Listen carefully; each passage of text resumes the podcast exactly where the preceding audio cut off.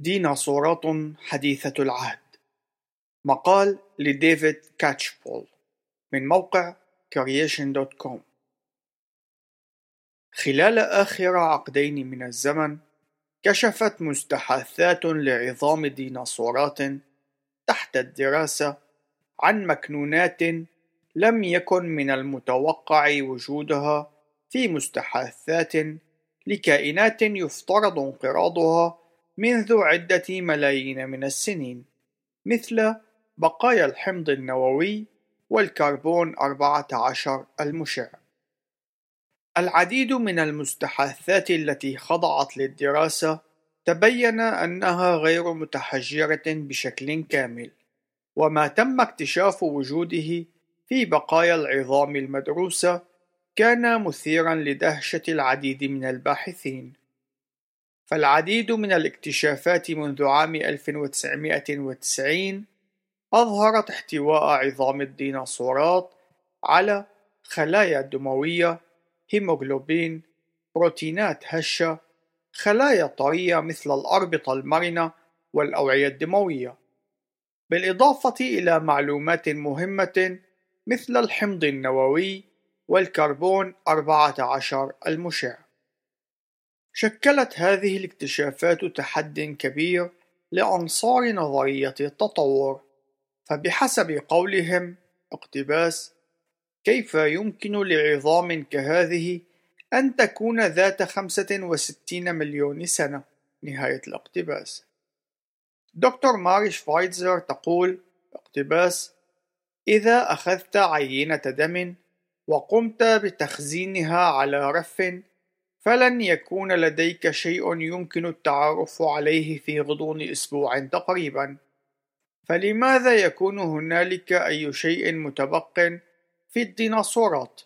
نهاية الاقتباس بالفعل لماذا؟ إلا إن لم تكن قد انقرضت منذ ملايين السنين وأن بقاياها قد حفظت بسرعة نتيجة لظروف كارثية حدثت قبل عدة آلاف من السنين فقط أو حتى إلى ما هو أقرب من ذلك. وكنتيجة للموقف العدائي الراسخ للنموذج التطوري في المجتمع العلمي برز رفض لنتائج الدراسات المخبرية للدكتورة شفايتزر وأصبح ذلك معروفا. علقت الدكتورة شفايتزر قائلة اقتباس تلقيت من أحد المراجعين لنتائج البحث ردا ينبئني من خلاله بأنه غير مهتم بما تقدمه البيانات حيث أنه متيقن بأن النتائج التي قد توصلت إليها مستحيلة. نهاية الاقتباس. قمت بعدها بالرد قائلة اقتباس حسنا. ما هي البيانات؟ التي من الممكن أن تجعلك تقتنع بهذه النتائج. نهاية الاقتباس.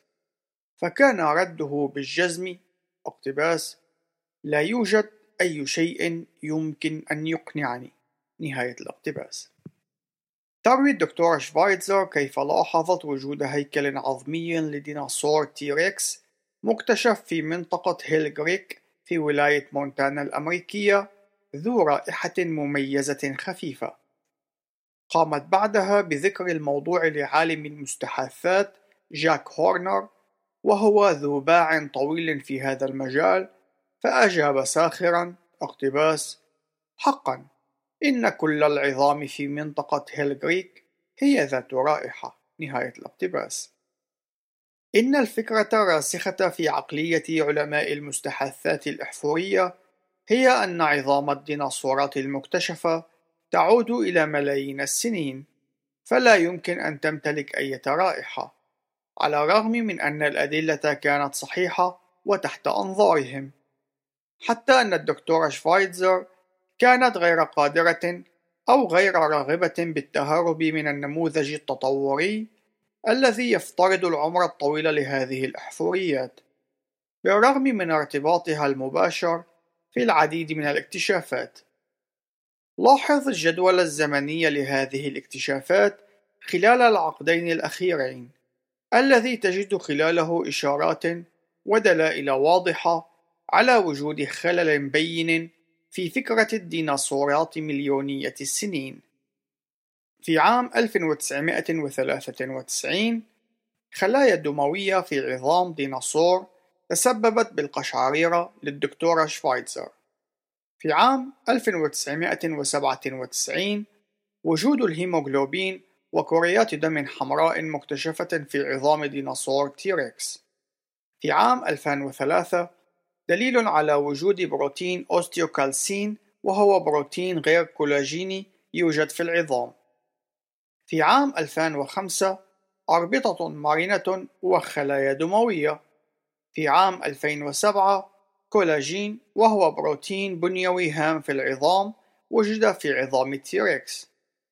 في عام 2009 بروتينات هشة كالإلاستين واللامينين بالإضافة إلى تأكيد آخر على وجود الكولاجين في عظام ديناصور من فصيلة بطيات المنقار إن كانت مستحاثات الديناصورات قديمة بحسب ما هو مفترض هذه الأنواع من البروتينات لا يمكن أن تكون حاضرة في النتائج في عام 2012 تم الإبلاغ عن وجود خلايا عظمية بروتينات الأكتين والتيوبيولين بالإضافة إلى الحمض النووي. إن دراسة معدل تحلل هذه البروتينات وخاصة الأحماض النووية تظهر أنه من غير الممكن أن تصمد للسنوات الخمسة وستين مليون المفترضة منذ انقراض الديناصورات. هذا النوع من النتائج يتوافق مع الجدول الزمني المحدد بحوالي ستة آلاف سنة للخلق والمسجل في سفر التكوين من الكتاب المقدس. في العام 2012 تم الإبلاغ عن وجود الكربون 14 المشع، لكن من المعلوم أن الكربون 14 المشع هو سريع التحلل، فحتى لو افترضنا أن عمر هذه البقايا المدروسة كان فقط مئة ألف سنة، فليس من المفترض وجود أي بقايا لهذا العنصر المشع.